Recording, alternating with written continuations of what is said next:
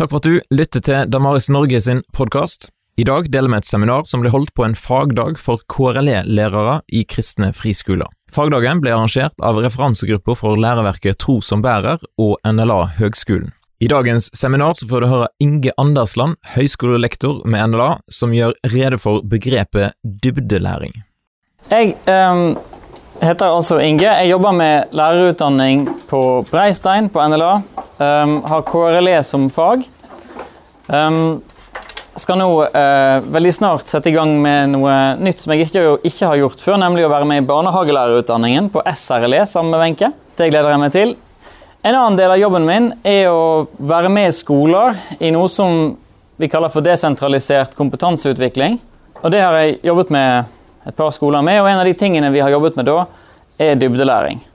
Og jeg, jeg er en nerd. Og har det på den måten at når jeg møter et nytt ord, så møter jeg det med en slags forventning om at dette må det jo finnes en bok eller et sted jeg kan lese om for å finne ut hva det er. Jeg har en veldig sånn forventning til at eh, hvis jeg bare får lest litt, så finner jeg nok ut av det. Men dybdelæring har vært en ganske sleip ål uh, å få tak på. Og jeg begynte jakten på det for ca. et år siden med å leite opp i uh, kunnskapsgrunnlaget for fagfornyelsen. Det var noen offentlige utredninger som heter Fremtidens skole, og som kom i flere deler. Og ble ganske irritert, altså. Uh, over hvor lite jeg fant av um, systematisk og tydelig begrepsbruk om dybdelæring. Men jeg har balet videre med det. Jeg har ikke forsket på det sjøl. Jeg, jeg, er bare en som leser og, og, lurer. Jeg har ikke publisert noe på dybdelæring, men jeg er liksom en av de som prøver å gjøre det vi kan for å skjønne det, sånn at vi kan håndtere det i skolen. Og så har Jeg jeg synes det er viktig å snakke om tre forskjellige faser til tre forskjellige holdninger. Og Det er mest for å hjelpe meg å sortere hva jeg skal gjøre og ikke. Når det kommer nye begreper i skolen, når det er endring i skolen, så har vi en kreativ fase først. Da lurer vi på hva kan bli bra. Kan det hende at det er bra med dybdelæring? Hvordan kan dybdelæring bli bra? Og nå mener jeg, nå er vi på det stadiet der noen sitter og tenker hva skal vi skrive i planene. Er dybdelæring et bra ord å ha? Det høres gøy ut. Hva kan vi bruke det til? Og så, videre. så er det noen som foreslår det. Dybdelæring skal være et viktig ord i skolen. I Norge så er det 2014-ish. Da kommer vi inn i en kritisk fase. Er det så bra med den dybdelæringen? Er det et nyttig begrep? Bør vi ha dybdelæring som begrep i skolen? Det har vi hatt ganske mye diskusjon om. Det har vært i hvert fall tre forskjellige sterke standpunkt. Altså Sten Ludvigsen og co. sitt 'ja, vi skal ha dybdelæring i skolen', og det betyr dette. Et motsatt standpunkt. Dybdelæring er et tullebegrep, vi bør ikke ha det i skolen. Og så flere versjoner av Dybdelæring er et bra begrep, men det bør bety noe annet enn det Sten Ludvigsen sier. Den fasen mener jeg òg er over nå. Nå er dybdelæring et begrep i skolen. Det er ikke vits i å bruke mer energi på å diskutere om vi skal ha det eller ikke, om vi skal forholde oss til det eller ikke. Dybdelæring står nå i overordnet del, som snart trer i kraft. Vi skal forholde oss til det alle sammen.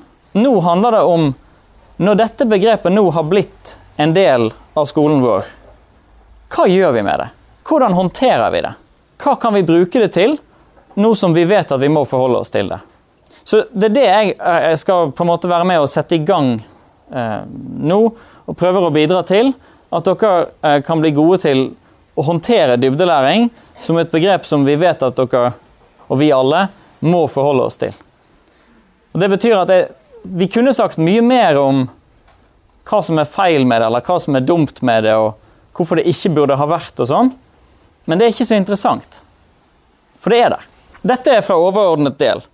Hvor mange her inne er det som har lest hele den nye overordnede delen av læreplanen? Hvor mange er det som med fem raske setninger kan oppsummere hva som er det viktigste i overordnet del? Altså, Jeg syns den er kjempevanskelig å lese. Jeg har ikke fått den under huden sjøl. Og jeg har kranglet med den flere ganger. Den er en type læreplantekst som ofte ser ut sånn som dette her. Der det Eh, lange setninger, og det er mange setninger som har mange ord i seg, som trenger en tydelig definisjon for at vi kan forstå de lett. Skolen skal gi rom for dybdelæring, slik at elevene utvikler forståelse av sentrale elementer og sammenhenger innenfor et fag, og slik at de lærer å bruke faglige kunnskaper og ferdigheter i kjente og ukjente sammenhenger. Dybdelæring i fag innebærer å anvende kunnskaper og ferdigheter på ulike måter, slik at elevene over tid kan mestre ulike typer faglige utfordringer, individuelt og i samspill med andre. Dette er det vi har om dybdelæring i overordnet del, som jo er vår tolkning av formålsparagrafen, som er grunnlaget for skoletenkingen fra, fra det offentlige sin side. Det er noen stikkord som går igjen her, og som vi møter igjen flere ganger, og som betyr mye for UDIR eh, sin måte å, å legge fram dybdelæringsbegrepet på, men jeg syns det er ganske utydelig. Det er snakk om forståelse av sentrale elementer og sammenhenger, bruke faglige kunnskaper og ferdigheter, og så kjente og ukjente sammenhenger. Og Det begrepet kjente og ukjente sammenhenger går igjen mye. Det er blitt et av på en måte nøkkelordene, eller stikkordene nesten, som henger sammen med dybdelæring. Bruke kunnskaper og ferdigheter på ulike måter, sånn at elevene over tid Dette med tidsaspektet er òg veldig ofte fremme. Nå skal vi ha tid til å drive med dybdelæring. I møte med dette her så opplever jeg at for mange lærere så er det som står om dybdelæringen, noe som en allerede ønsker å få til. Det er ikke snakk om at å ja, nei ok, det jeg har gjort før er feil, nå må jeg begynne med dette, som er dybdelæring. Sånn er det veldig sjelden. De lærerne som jeg snakker med på skoler, sier ofte at ja, men dette er jo det vi driver med. Men det kan være vanskelig å få til. Og så kan en liste opp forskjellige grunner til at det er vanskelig å få til. Stofftettheten i læreplanen, f.eks. At vi har så mange kompetansemål. Veldig vanlig grunn. Som lærere sier til meg om hvorfor de ikke de kan gjøre det de vil. Det endrer seg jo nå med de nye læreplanene. Dybdelæringsdefinisjonen, sånn som UDIR har den på nettsidene sine, dette ser ut som det er skrevet av de samme folkene. Kan dele det opp litt. De definerer dybdelæring som gradvis å utvikle kunnskap og varig forståelse av begreper, metoder og sammenhenger i fag og mellom fagområder. Innebærer at vi reflekterer over egen læring og bruker det vi har lært, på ulike måter, og så kommer det igjen i kjente og ukjente situasjoner. Alene eller sammen med andre. En kan se at den teksten som UDIR har lagt ut på nettsidene sine, henger sammen med den som er i uh, overordnet del. Greit nok, på en måte, men veldig vanskelig å si med utgangspunkt i dette ja, nå må jeg slutte å gjøre sånn og sånn, og så må jeg begynne å gjøre det og det istedenfor. Når jeg begynte å jakte på um, hva dette var ment til å bety, altså begynte å nerde på dybdelæringsbegrepet, så kom jeg etter hvert til denne tabellen. og Den skal vi gå gjennom. Skal, vi skal vise den steg for steg, så dere trenger ikke lese den nå. Men dette syns jeg er noe av det nyttigste de har lagt ut eller gitt oss til å forklare hva de mener med dybdelæring. Og det er fordi at i denne tabellen her så står òg overflatelæring som det motsatte. Altså Dybdelæring er et ord som trenger en kontrast. Og den kontrasten i den tenkinga som er med her, er overflatelæring. Dette er forskningen til en som heter Sawyer, um, som er glad i læringsteori. Som har vært i Norge flere ganger, og som hadde stor påvirkning på Eh, Ludvigsen-utvalget. Dette er fra den måte, med, altså, kunnskapsgrunnlaget for fremtidens skole. Og jeg, jeg har tenkt å gå gjennom den fordi jeg syns denne her er nyttig til å snakke om hva det er eh, vi skal gjøre mer av, og hva det er vi skal gjøre mindre av for eh, å strekke oss mot de målene for, de, som, for dybdelæring som skolen setter opp. Den første er sånn som dette. I dybdelæring så er det slik at elever relaterer nye ideer og begreper til tidligere kunnskap og erfaringer. I overflatelæring elever jobber med nytt lærestoff uten å relatere det til hva de kan fra før. Og Da har jeg lyst til å spørre dere. Hvis dere tenker på egen praksis, driver dere med dybdelæring eller med overflatelæring? Og så Sannsynligvis så vil det være begge deler og litt innimellom. og sånne ting. Men tenk da på hvilke av de setningene beskriver best den praksisen som du har gjort F.eks. det siste året eller dette skoleåret? Vær så god. Bare, det er et begrep som dukker opp i hodet mitt. Eh, nå svarer jeg kanskje ikke på spørsmålet ditt, men jeg tenker på spiralprinsippet. Ja. Som var på en måte et begrep som vi iallfall møtte i vår lærer.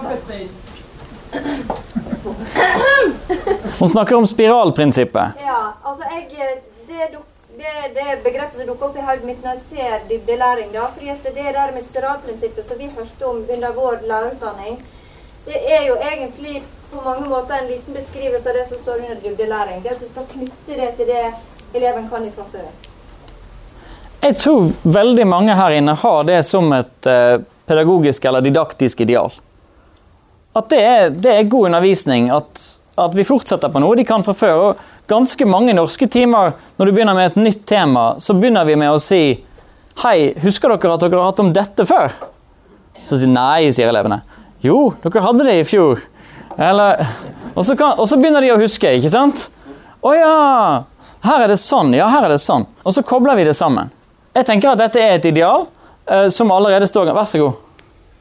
Jeg tror eh, Hvis en skal gå litt sånn i hvor henne koden knekkes på det, så er det jo at det er for lærerne, eller kanskje for elevene Det er forskjell på hva vi mener at vi har undervist dem om Mm. og hatt som tema, og hva som går på å si at eleven kjenner en kunnskap og en erfaring. Ja. Og da begynner det kompleks Det blir veldig komplekst, eh, enten om det er spiralprinsipp eller dybdelæring da. Mm. Og da må du ha en eller annen sånn type kontakt med eleven sin kunnskap som, eh, som er en annen måte å jobbe på. Det tror jeg vi må si. Og, og det er en utfordring å, å bruke mer tid kanskje i den fasen. Og så tror jeg at idealet her er at, at, en, at elevene skal være vant til å ha jobba på denne måten veldig mye. Sånn at, det, at, de, at de ikke vil være like sånn Hæ, aldri hørt om det før. Eh, som de kan være. Og at hvis vi får den, så tenker vi oi, ok, det er ganske alvorlig. Da må, vi, da må vi stoppe opp. Så gjør vi noe annet i dag for å være sikker på at vi har kontakt igjen. Så det, det, er, en, det er en betoning. Og, og det er jo definitivt en risiko, ikke sant? At eh, for oss at vi ender opp med at vi sitter med at elevene har lært et eller annet uten at de har koblet det til det de kan fra før. Men du vil jo få ganske store variasjoner i kristendomsfaget. Ja, absolutt. For det er jo veldig sånn spesielt fag i forhold til hva barn og ungdommer har av erfaring og kunnskap på noen av de feltene. i hvert fall. Enorm variasjon i forkunnskaper. Og, og, og liksom forutsetninger for å kunne forholde seg til problemstillinger i faget. Du merker det veldig på friskolene. Ja. Eh, De lærerne som opplever å få en elevgruppe der noen kjenner Hørte før, sant? og er du på søndagsskole, den kan David og Goliat og vil ikke høre Mm. mer, og du er åtte år. sant? Og så er det en som aldri har hørt om. Mm. Og da er det jo òg der hvordan skal vi legge opp til dybdelæring da? Ja. Ja. Det, vi, vi, det, dette er en, det er en av de store utfordringene. Eh, Det neste punktet i tabellen. Elever organiserer egen kunnskap i begrepssystemer som henger sammen. Det er dybdelæringen. Men i overflatelæring elever behandler lærestoff som adskilte kunnskapselementer. Så da er altså dybdelæring For å legge til rette for det, så ønsker vi å hjelpe elevene og støtte dem i å organisere kunnskapen i begrepssystemer som henger sammen. Bruker tid på kategoriene, bruker tid på begrepene.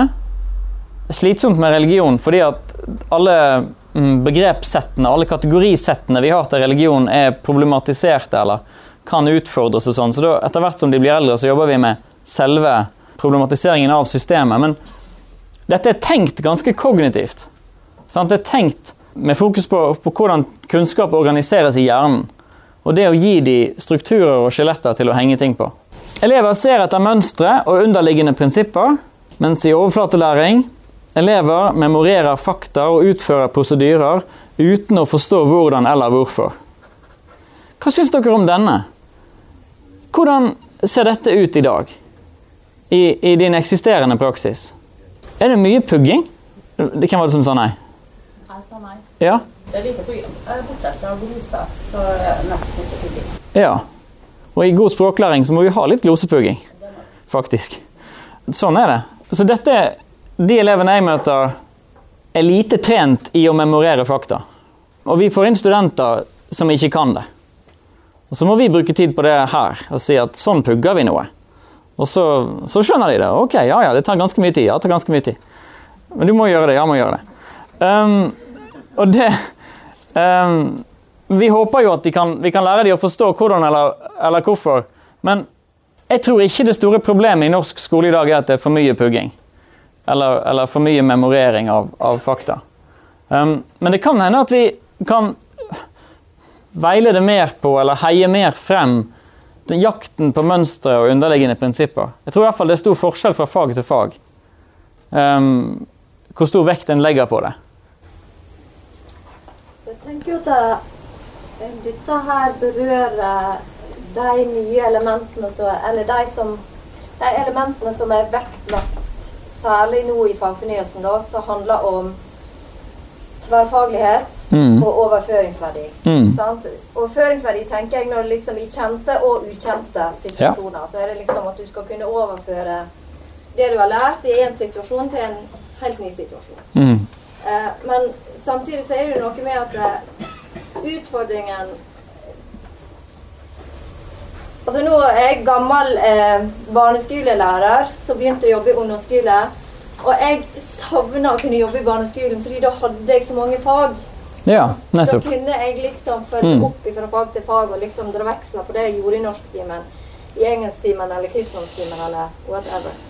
Mens når man gjerne da informasjonsmengden øker og fordypningselementet på en måte er mer til stede i forhold til å sant, På ungdomstrinnet og videregående og sånn, så blir det jo en større utfordring. Eller da, da må du vektlegge enda mer hvis du skal få til en overføringsverdi. Det der med tverrfaglighet, kjenne til flere læreplaner enn de læreplanene du underviser osv. Husker dere prosjektene i L97?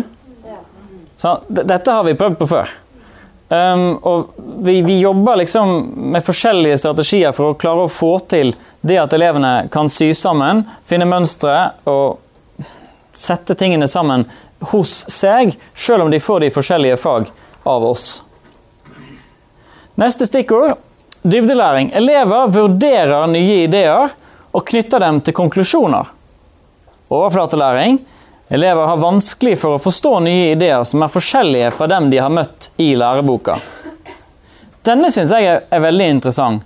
Og, og I møte med, med både studentene og de lærerne, nei, jeg mener elevene som, som jeg har møtt de siste eh, halvannet året, em, så oppfatter jeg elevene som veldig eh, Kanskje stygt å si. Naive. Altså, De har et forhold til tekst som er sånn at når de har lest noe et sted, så har de en veldig tillit til at det som står der, er, det er nok sant og riktig. Og Dette er nok det som er å si om den saken. For nå har de slått opp i boka, og de har funnet det som står der, og, og sånn er det. Og så må vi jobbe frem at eh, ja, Hvem er det som har skrevet det, og Hvorfor tror du de har skrevet det, og hva vil de med å skrive det? Vi jobber med den vurderingen av kunnskapskilder. Um, og dette tenker jeg er en veldig tydelig ting som, um, som uh, dybdelæringsfokuset sier til oss at vi skal gjøre mer av. Elever skal fra, allerede fra veldig ung alder bli i stand til å stille kritiske spørsmål. Det er nå én ting, men òg å gjøre vurderinger og bli vant til at de er noen som vurderer stoff som presenteres for seg. Um, og det vil gjøre det tydeligere for dem at det er ikke noe rart med å møte en idé som ikke står i læreboka. For da får de prøve å vurdere den, da. Um, og ikke bare stille spørsmålene, men faktisk gjøre en vurdering. I dybdelæring så skal elever, eller vi kan si at elever forstår hvordan kunnskap blir til gjennom dialog, og vurderer logikken i et argument kritisk. Overflatelæring. Elever behandler fakta og prosedyrer som statisk kunnskap, overført fra en allvitende autoritet. Her skinner uh, Sawyer og det amerikanske litt gjennom. Um, og den er ganske lik den forrige, men det er en litt annen måte å si det på. Uh, hvis eleven har fått et kunnskapssyn som gjør at en kan forholde seg til kunnskapen sin sosiale dimensjon, kommer fra et sted, noen har laget dette, eh, og vi kan vurdere det kritisk, med sikte på ikke bare å ha vurdert det, eller liksom kunne si noe om for eller mot, men å gjøre en selvstendig vurdering. Jeg tror faktisk denne kunnskapen er den beste. Så er det annerledes enn, om vi bare har tatt imot. Hvis det da er lærebokforfatteren som um, er denne allvitende autoriteten. Jeg vet ikke om det kjennes sånn, Wenche. Eh, Men, men det Jeg har sett på noen KRLE-bøker som er brukt i den offentlige skolen, og der kan det være et poeng at eller det kan være et mønster i noen av de. At når det står om islam, eller om buddhisme, eller om hinduisme, eller jødedom kanskje òg, så oppgis det kilder. Så står det 'den og den forskeren har sagt sånn og sånn', eller 'vi leser i den boka at sånn og sånn'. Men når det står om kristendom, ingen kilder. Bare lærebokforfatteren som en sånn eh, allvitende autoritet som, som bare kan fortelle hvordan ting er. Jeg tror at det handler om lærebokforfatteren sin egen opplevelse av egen kunnskap om kristendom, kanskje. At det kjennes tryggere å bare si hvordan ting er. Mens du skal ikke ha studert så masse kristendom eller teologi før ting blir mye mer komplisert, og, og vi kunne ha trukket tvil mye av det som sto i den læreboka. Det er lov å kommentere det litt. nå. Vær så god. Nei, altså saken er, og det merker vi når vi jobber med denne, denne boka, det er det at, eh, at eh, den skal ikke være for stor, Nei? og den skal sies litt enkelt. Og eh, med en gang eh, du skal ha ting litt komprimert, altså, så eh, misser du litt av presisjonsnivået Ja. som du har i eh, lærebøker og litteratur på høyere nivå. Og det er en kjempeutfordring, altså. Mm. Det, at eh, uansett hvor du snur og vender på det, så ligger det en slags tolkning i den forenklinga som du gjør. ja. Og som det er vanskelig å synliggjøre. Ja, og den er vanskelig å synliggjøre. Og den står for forfatterens regning. Ja. Altså. Den eh, forenklinga, den, den fortolk, for, for, eh, som nødvendigvis må være der. Ja. Ellers blir det for komplisert. Du du kan spørre alle journalister om det samme. Som skal prøve å å presentere en veldig kjapp eh, sak, eh, noe faktagrunnlag til, til en sak. Må gjøre noen forenklinger, gjøre masse fortolkninger. Veldig få akademikere som er fornøyd eh, med den versjonen som kommer i avisen. Eh, så det er hardt arbeid, og det er vanskelig. Um, men det viktige her tror jeg er at, at elevene, at det blir synlig for elevene hva en lærebok er for noe. Og hva den kan brukes til, og hva det ikke er. Og, og da er det jo altså eksempel ikke um, Det er ikke en allvitende autoritet som har skrevet den. Sant? Det er noen ærlige, hardtarbeidende fagfolk som har skrevet den, som gjør så godt de kan. Um, og så uh, beveger, går vi sammen derfra. Men Inge, en ting til. Ja. Altså, I vår tid altså, så har du jo tilgang på så mange andre kilder også. Ja. Så det at læreboka vil jo gjerne være ei stemme. Ja, men altså, Her må dere gjerne fylle ut. fordi det, Dette er min, min opplevelse basert på de få skolene jeg har vært på i det siste. er at Der står læreboka, særlig i KRLE, da, som er mitt fag, fremdeles veldig sterkt. Og at det, det er lite at elevene um, henter på en måte konkurrerende kunnskap andre steder. Og om de gjør det, så, ja, men om de gjør det, så blir det nye sånne allvitende autoriteter. Og så gjøres det lite arbeid for å skape sammenheng eller å sortere de kildene. Uh, og, ja, men eh, vær så god. Altså, Jeg tror ikke vi kan forvente at elevene leter etter andre kilder hvis ikke vi lærere legger opp til at de skal gjøre det. Nei. De skal vurdere den teksten som de møter i læreboka. Så det ansvaret er det jo på en måte Det, det er vi som må utruste dem med den evna. Ikke sant? Og det er jo egentlig det som ligger her, da. Ja. Men så har jeg òg lyst til å skyte inn at det tillegget, synliggjøringstillegget som KFF har utarbeida til overordna del, har et veldig viktig punkt når det gjelder dette her med kritisk tenkning og refleksjon. Eh, og det er så bra at det står der, fordi at det der sier det noe om at kritisk tenkning det skjer alltid ut ifra et grunnsyn. Vitenskap og fornuft er ikke nøytral. Og det er noe med at eh, kritisk refleksjon, tenkning, konkludering ikke minst Vi kan operere ut ifra at vi holder noe som sant og rett og galt og usant. Altså Vi har noen rammer i vårt kristne livssyn som gjør at vi kan definere, vi kan hjelpe elevene til å konkludere. Sant? Eller i alle fall speile det kristne livssynet i møte med andre argument. Og det er det som er litt handlingsrommet her, da, så vi må gripe begjærlig at vi har den muligheten i skolene våre. Så tror jeg sammen med det at det går Dette at logikk står her, er, er veldig interessant. Det, jeg var på en engelsk eh, barneskole i juni i fjor og fikk høre på en liten slags KRLE-time der, der de hadde argumentasjon. Og Da reiser den ene elleveåringen etter den andre seg opp, og så sier han ja, min mening om dette er dette. Ja vel. Og så neste elev ja, jeg hører det premisset i eh, din, eh, ditt resonnement, og jeg er uenig i, i den delen av det premisset. Og jeg ble helt satt ut. Det er ingen av mine studenter som hadde klart å være med eh, i den diskusjonen. De hadde røket rett ut. For de hadde ikke hengt med på forskjellen mellom påstander, premisser, og hvordan logikken faktisk eh, fungerer for å utvikle en konklusjon. Um, og det tror jeg vi kan gjøre mye mer med mye tidligere. Altså, det er sikkert lenge siden dere tok X-Fill, om dere tok det. Men, men grav frem de logikkbøkene. Um, og la den, det arbeidet med å vurdere kunnskap og bli en trening i logikk. For da vil jo nettopp sånn, altså grunnsyn, grunnpremisser, det passer perfekt inn i, i den måten å jobbe på. Sant? At du får vist frem de kortene som ligger her. Og en kan diskutere uh, hvordan en vil vurdere de. Skal vi se, Er dette den siste? Ja.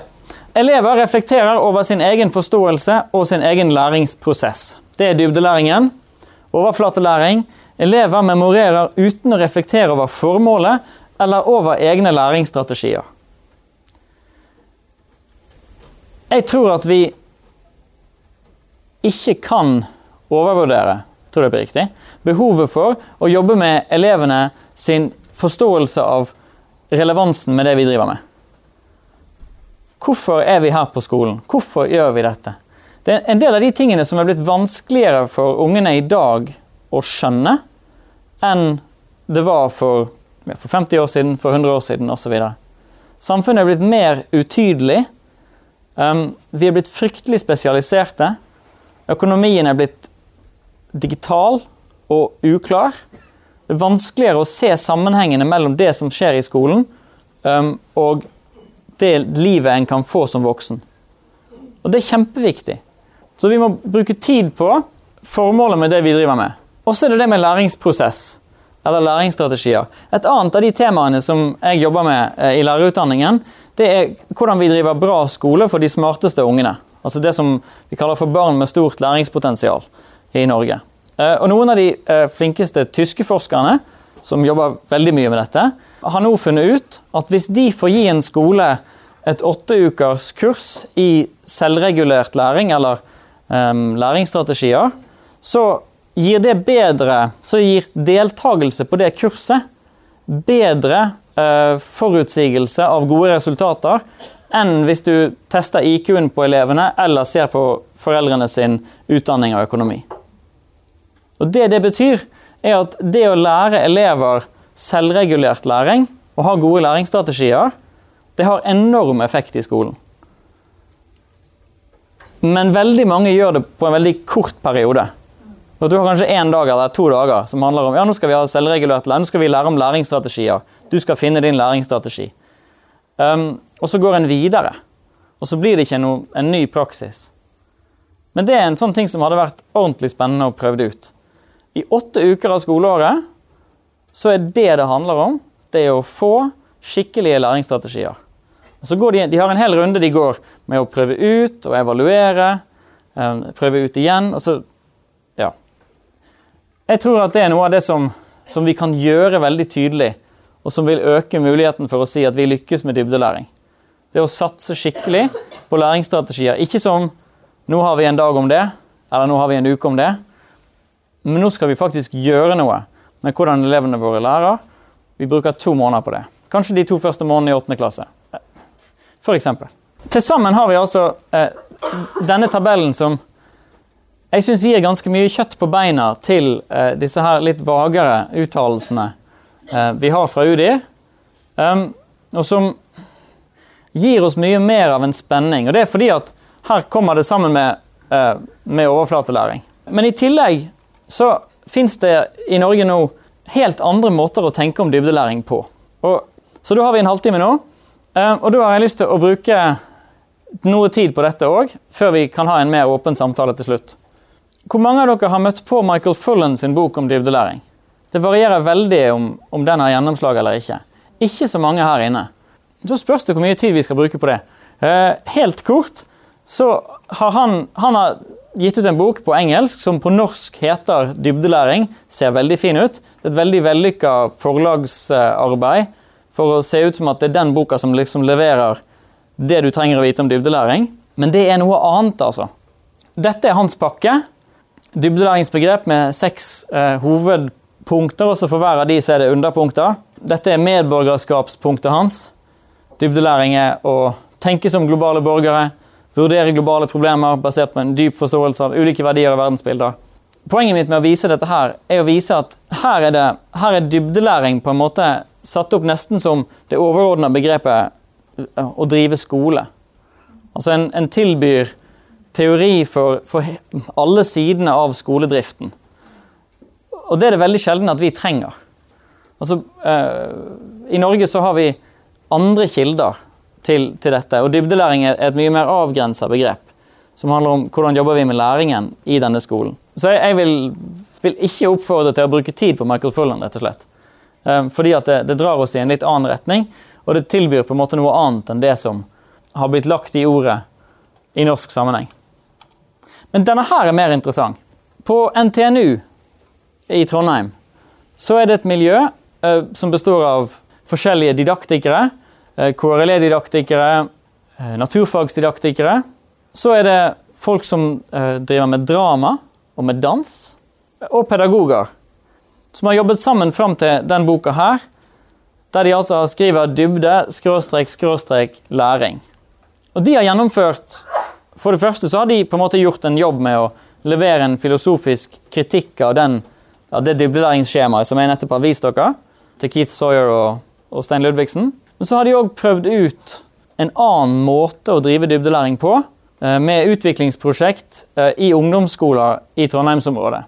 Og det store poenget deres, det er at i den tabellen her så har en glemt at elever ikke er hjerner, men kropper.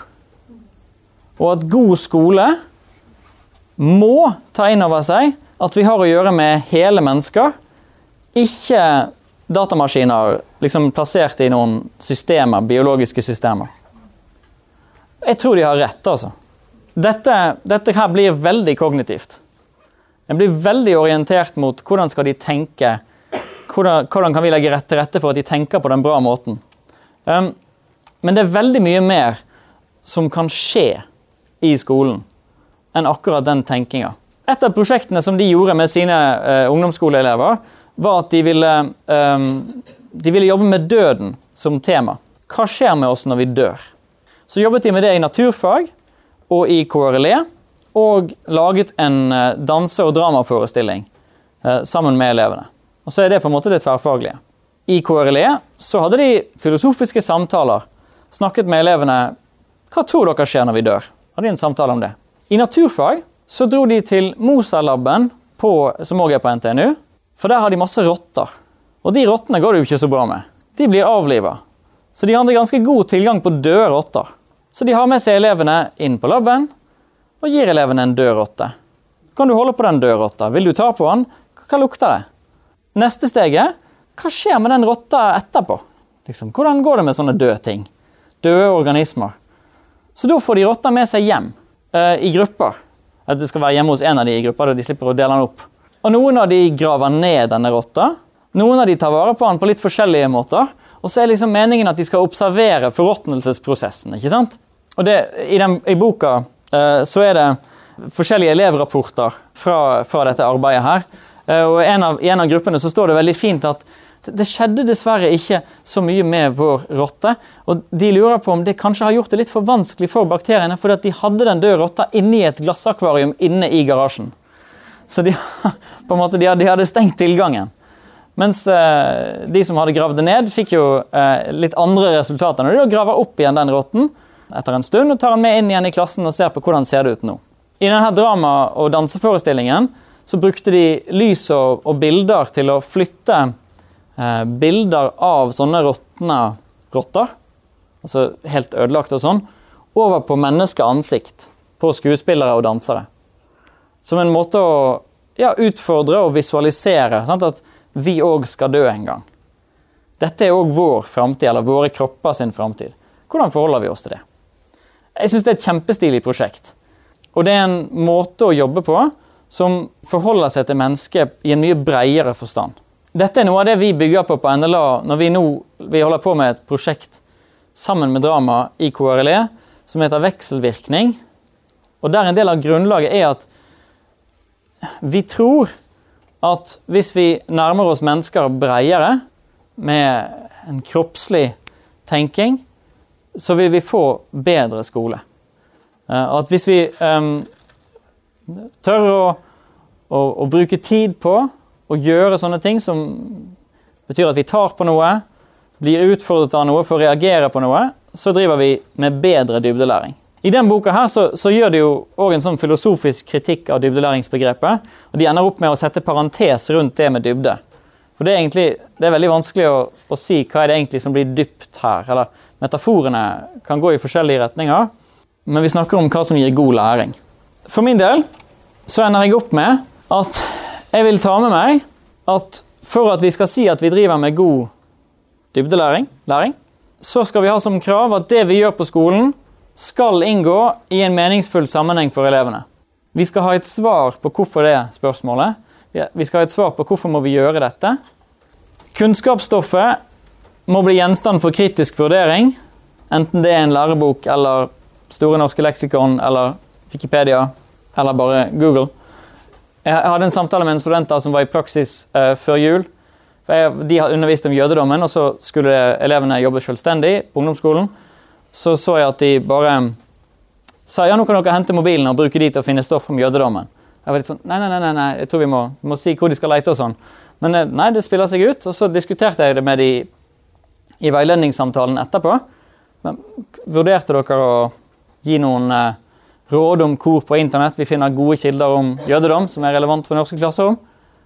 Å ja, nei, det var ikke nødvendig, for de kunne bare google sånn som eh, de gjorde. Så da må vi ta en runde på det. Alt kunnskapsstoff må bli gjenstand for kritisk vurdering. At ny læring relateres til elevens eksisterende kunnskap, det kobler seg òg for min del veldig til eh, det temaet jeg så vidt nevnte tidligere. Om hvordan vi driver god skole for de smarteste av elevene våre. Det er for mange elever som kjeder seg i norske klasserom, og det er for mange elever som får helt unødvendige problemer fordi at skolen er for lite interessert i hva de kan fra før, og hvor de er henne når de begynner en time. Men som en del av dybdelæringsarbeidet det handler òg om å kartlegge hvor elevene er. Og Hvis vi finner ut at elevene er et sted som gjør at de ikke har bruk for det vi har tenkt å gi dem den timen, så må de få noe annet. Men det går begge veier. Ny læring må være kobla til der eleven er. Og så det siste som jeg ikke har snakket om før nå. Læringsaktiviteter må bli fulgt opp med relevant vurdering. Noe av det mer spennende i de nye læreplantekstene som jo tolker på nå, disse tekstene om underveisvurdering og sluttvurdering.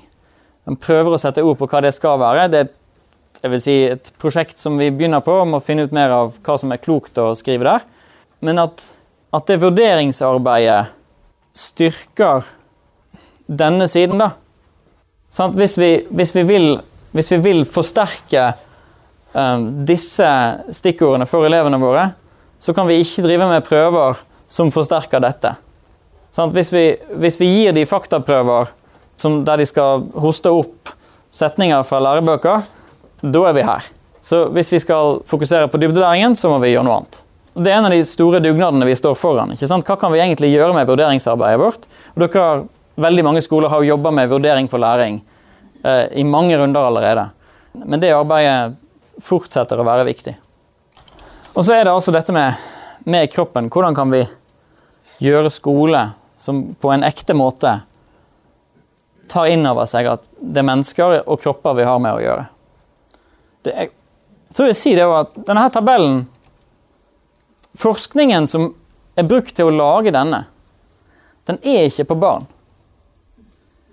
Dette, Mesteparten av forskningen, sånn som jeg har forstått det Jeg har ikke lest veldig mye om dette, men, men sånn som jeg har forstått det, så er dette studier på studenter. På 70-tallet så studerte de forskjellige måter å være student på på amerikanske colleger. Og så fant de dette mønsteret mellom overflatelæring og dybdelæring.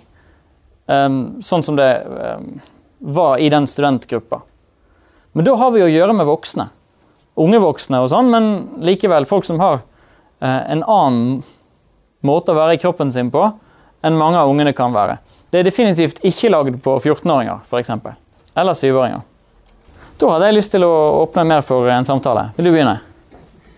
Ikke vær så litt på sidelinja, men jeg føler at ofte er det veldig stort sprik mellom den underveisvurderingen som vi gjør eh, vanlig eh, altså, gjennom skoleåret til elevene, og den sluttvurderingen som de skal på en måte ha sendt eksamens. Mm. Ja.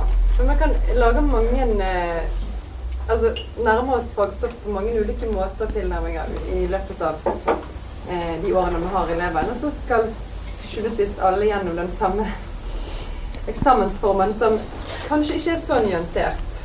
Og der vil de da møte store utfordringer. Så nå er det liksom i forhold til fagfornyelsen og eh, altså Jobber de litt med eksamensform og Ja. sluttvurdering? Og for dette det er så vanskelig for oss å ja, Hvordan skal vi møte de Jeg hørte på et foredrag med en av de som satt i den eh, komiteen som skulle levere den offentlige utredningen om eksamen og eksamensformer i norsk skole. Og han fortalte fra et av de første møtene, for de har fått inn en utenlandsforsker til å hjelpe de med å se dette litt utenfra. Og denne stakkars utlendingen hadde liksom begynt med å spørre ja, hva vet vi om eksamen i Norge fra før av, da? Og de norske forskerne sitter rolig rundt bordet og sier nei, kanskje ikke så veldig masse. Og hun ble liksom blekere og blekere gjennom det første møtet, fordi vi har hatt veldig lite forskningsbasert utvikling av sluttvurdering i norsk skole. Og vi har stort potensial for forbedring. Um, og vi er sannsynligvis i starten på en periode med endringer på det området òg. Og jeg håper at, at det da skal bli en sånn brikke som passer inn i, i det bildet. Ja, for ellers er det jo litt sånn meningsløst for oss. Hvordan skal vi Ja. Hvis ikke sluttvurderingen skal bety noe for hvordan vi jobber underveis, så det, står vi jo bare her i en, eh, ja, Ja, i en myr, liksom. ja virkelig. Og det, eksamen er utrolig sterk og tung. Har har utrolig sterk tyngdekraft uh, i skolen. Så, så vi må, den må bli sånn at vi kan gjøre dette. Den er, liksom, den, målbar, den er jo målbar. I ettertid så ser jo å, sånn er resultatet i norsk skole, liksom. Ja. Men så er det ikke sikkert eleven i det hele tatt har fått fram alt han har lært, eller eh, Nei. For at eksamensformen er ja, ikke sånn som eleven kjenner til fra de ti årene. Ja. Nei. Absolutt.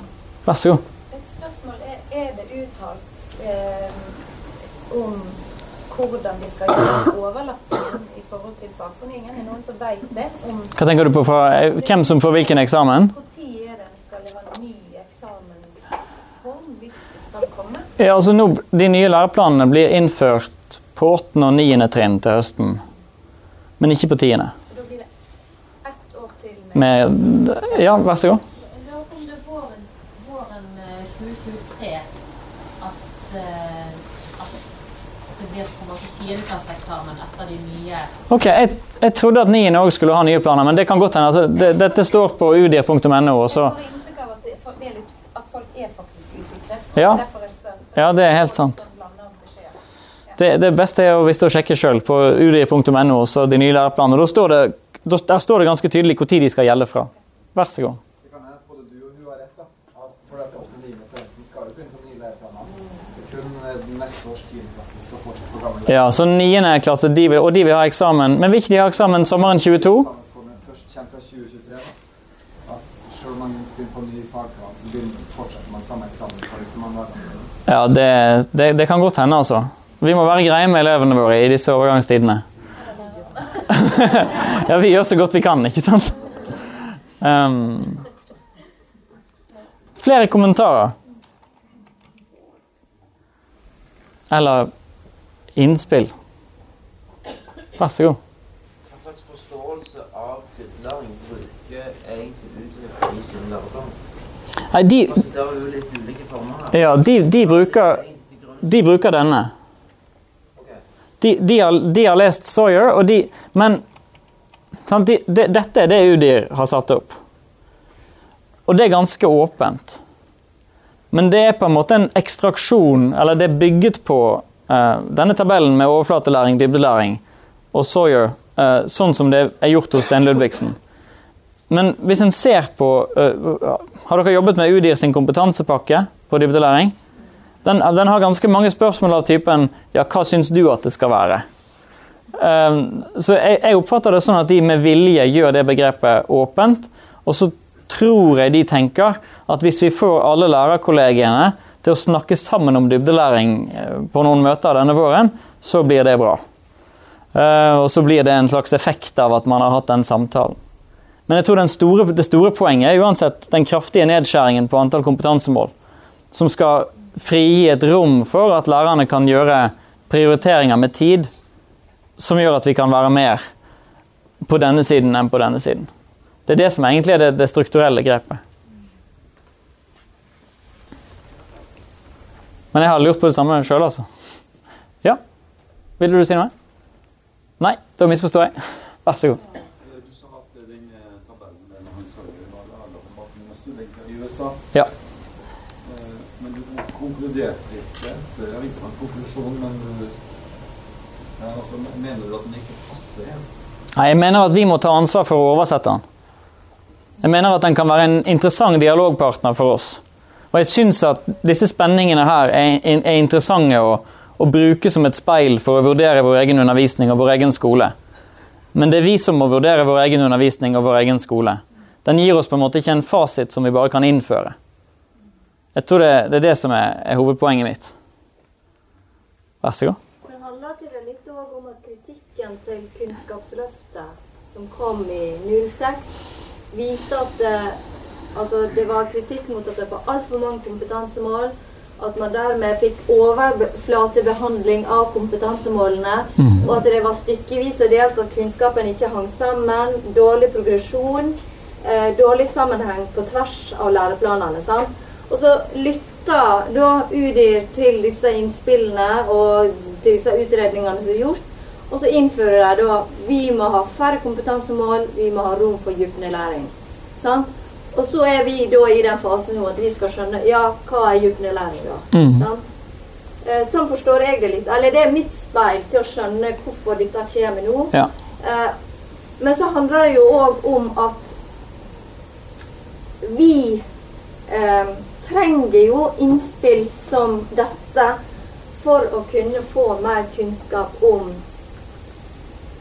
hvilken forståelse er det dybdelæring skal ha i vår skole. Mm. Eh, og da er ikke det bare for oss å samtale. Nei. Vi må òg ha noen alternativ som speiler de ulike forståelsene opp mot hverandre. Mm. Jeg vil virkelig anbefale eh, alle å, å skaffe seg den boka 'Dybdelæring' eh, fra NTNU, og, og gå i dialog med, med det de skriver om, om dybdelæring. Det, det, altså det, det er lov å hoppe over filosofikapitlet hvis en ikke har den dragningen, men, um, men, men, men de blir etter hvert ganske konkrete, og en kan, kan se på um, ehm, Jeg syns det er inspirerende å se hva ting de gjør med elevene sine. Nå, uh, vær så god. Ja. Tenkte på en måte at eleven skal være aktiv. Fra drama eller andre ting. altså Ta på, kjenne på, observere. sant? Det er jo et tema som går igjen kanskje i, i overordna del på andre plasser enn akkurat i definisjonen av utelæring i seg sjøl. Ja. Du ser overordna del som en helhet. Ja. Når vi på, på skolen har jobba med dette her, både Dekom og andre måter, så, så er det med aktiv læring, altså elevaktivitet, det er jo viktig, ser vi. Ja. Så, så det kommer jo inn der uansett, tenker jeg. Ja. Og, så, jeg er enig i det, altså, men jeg tenker at eh, da er det positivt da, å nærme seg dybdelæring på en måte som òg har det med i, med i bildet. Da. Men jeg, jeg, jeg er ikke så negativ til Sten Ludvigsen og de som, som denne gjengen her er. Jeg tenker at det, det lar seg integrere og bruke sammen. Uh, og at vi kan ja, bli inspirert av det og, og eh, gjøre oss nytte av det. Og at det absolutt men det, det sier disse her òg, at de mener at de leverer en god tenking om dybdelæring til overordna del og til um, det som er grunnlaget for skolen nå. Vær så god. Eh. Ja. Eh, jeg har funnet innføring når ting skal eh, Innføres? Ja. Så fra første til niende trinn Ja. blir de nye læreplanene innført 2020. Ja. Altså høsten. På tiende trinn og VG2 så blir det innført 2021. Så første eksamen blir da våren 2022. ja.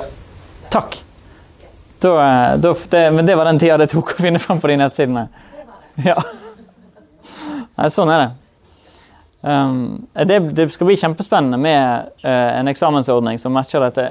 Vi også, altså I, i lærerutdanningen òg er det jo en samtale om hva kan vi gjøre med eksamen for å få den til å bli mer eh, relevant for det å være lærer. Og jeg synes det er veldig spennende med de praksiseksamene som de nå har på medisin på NTNU, der studentene ikke skal sitte og skrive eller sitte og ha muntlig eksamen, men har en gang.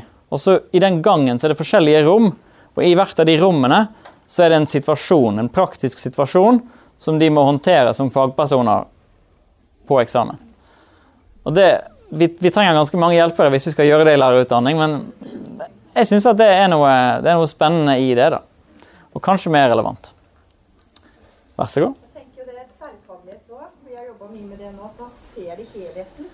Når dybden kommer når du har flere fag sammen. Hvorfor skal vi lære akkurat det? Jo, så ser det kommer i et annet fag. Det kommer Det er en helhet, da. Og da er det lettere synes jeg, å reflektere over ting òg. Jeg kan dra det inn i Hvorfor jeg er heldig, som hun ikke i ungdomsskolen, men i barneskolen. Vi har flere fag. Ja. da, Og kan gjenspeile de her. Og da kjenner du at du Jeg tenker det også er en del av dybdelæringa. Eller i hvert fall et verktøy. Ja. Er tverrfagligheten. Jeg er helt enig. Og, og i det å, det å tørre å sette av lang tid til å være i det tverrfaglige, og sånn organiseringsmessig på en årsplan, tror jeg kan være en del av det. Nå tenker jeg på ungdomsskolen, da, som ikke har det så naturlig. Um, og de fag, fagene våre er noen fryktelig tunge strukturer, veldig gamle. Um, og som sitter veldig dypt i alle oss som har gått gjennom en grunnskole og en ungdomsskole med sånne fag. ikke sant? Men så er vi jo enkeltmennesker som har tatt alle disse fagene, så det, det tverrfaglige skjer jo på en måte i oss alle. da. Og Den, der, den spenningen der er vanskelig og interessant. Et spørsmål til salen her. Er det- andre som har tanken om å lage et slags livsmestringsfag? Eller kalle altså At en bryter liksom litt med alt dette her med at det er KRL, det er samfunnsfag, det er liksom sånn. Men altså, jeg vet at noen i Danielsen-systemet på Haugalandet har, har lagd seg eller et slags fag eller en slags time som heter livsmestring eller, eller Det gode liv. Gode liv, Er det andre som, som er, tenker på den veien der? Det fins jo òg Livet-timen, er det noen som gjør nå. Um, og eh, jeg var på en skole i Østerrike for litt over et år siden. Der hadde de et eget fag som, som handla om dette, kort sagt. Eh, det var på videregående. Hadde en time i uken med det. Um, I Sverige så har de jo ganske lang erfaring med, eh, med livsmestring eh, som begrep, og, og hvordan en eh, ja, Det finnes det òg en hel del forskning på hva som fort skjer i sånne fag. Altså det, det er en ganske krevende øvelse å, å, å gjennomføre eh, eh, ja, systematisk og, og med skikkelig eh, med et konsekvent innhold gjennom det. Det kan, kan komme inn ganske mye rart. Um, det har det gjort i Sverige, iallfall. Mm. Du, Jeg tenker litt på prøve å tenke litt hva, hva er det som er veldig nytt her i forhold til tidligere. Ja. Hvis du tar tilbake til den, kan du ta tilbake til den jeg Sawyer, ja. Og så tenker jeg at Når vi har lært å skrive kriterier for hva som er høy måloppnåelse, sånn, ja. så er det jo noen ting der som en kjenner litt igjen. Det vil jeg tro, ja. Absolutt. Så, og det er, jo- det er altså et nøkkelpoeng for meg. Og dybdelæring er ikke noe nytt som kommer inn i norsk skole nå. Dette handler om, dette, det er Veldig mange av disse målene er sånn som lærere har jobbet for å prøve å oppnå veldig lenge. Um, Men vi, vi kan på en måte bruke dette som en påminnelse, som en inspirasjon, som en samtalepartner for å, å skjerpe fokuset på hva det egentlig er vi vil med, med disse skoletimene våre. Og så vil forhåpentligvis rammefaktorene gjøre det lettere å nå de målene. Når du kommer frem, betyr det at vi skal gi oss? Ja, det gjør det. Ja, Da sier jeg takk for meg. Takk. for Veldig eh, kjekt å være her. Er du en lærer på en kristen friskole? Da anbefaler vi nettressursene som du finner på damaris.no skole grs eller damaris.no skole vgs. Du finner så klart eh, lenkene i podkastbeskrivelsen. Og setter du pris på podkasten til Damaris Norge, og har du lyst til å støtte arbeidet vårt, da kan du gå til damaris.no. Der finner du informasjon om hvordan du kan gi en gave til arbeidet vårt. Det er òg helt fantastisk hvis du har lyst til å tipse andre om podkasten vår, sånn at enda flere får med seg de gode ressursene som vi deler her.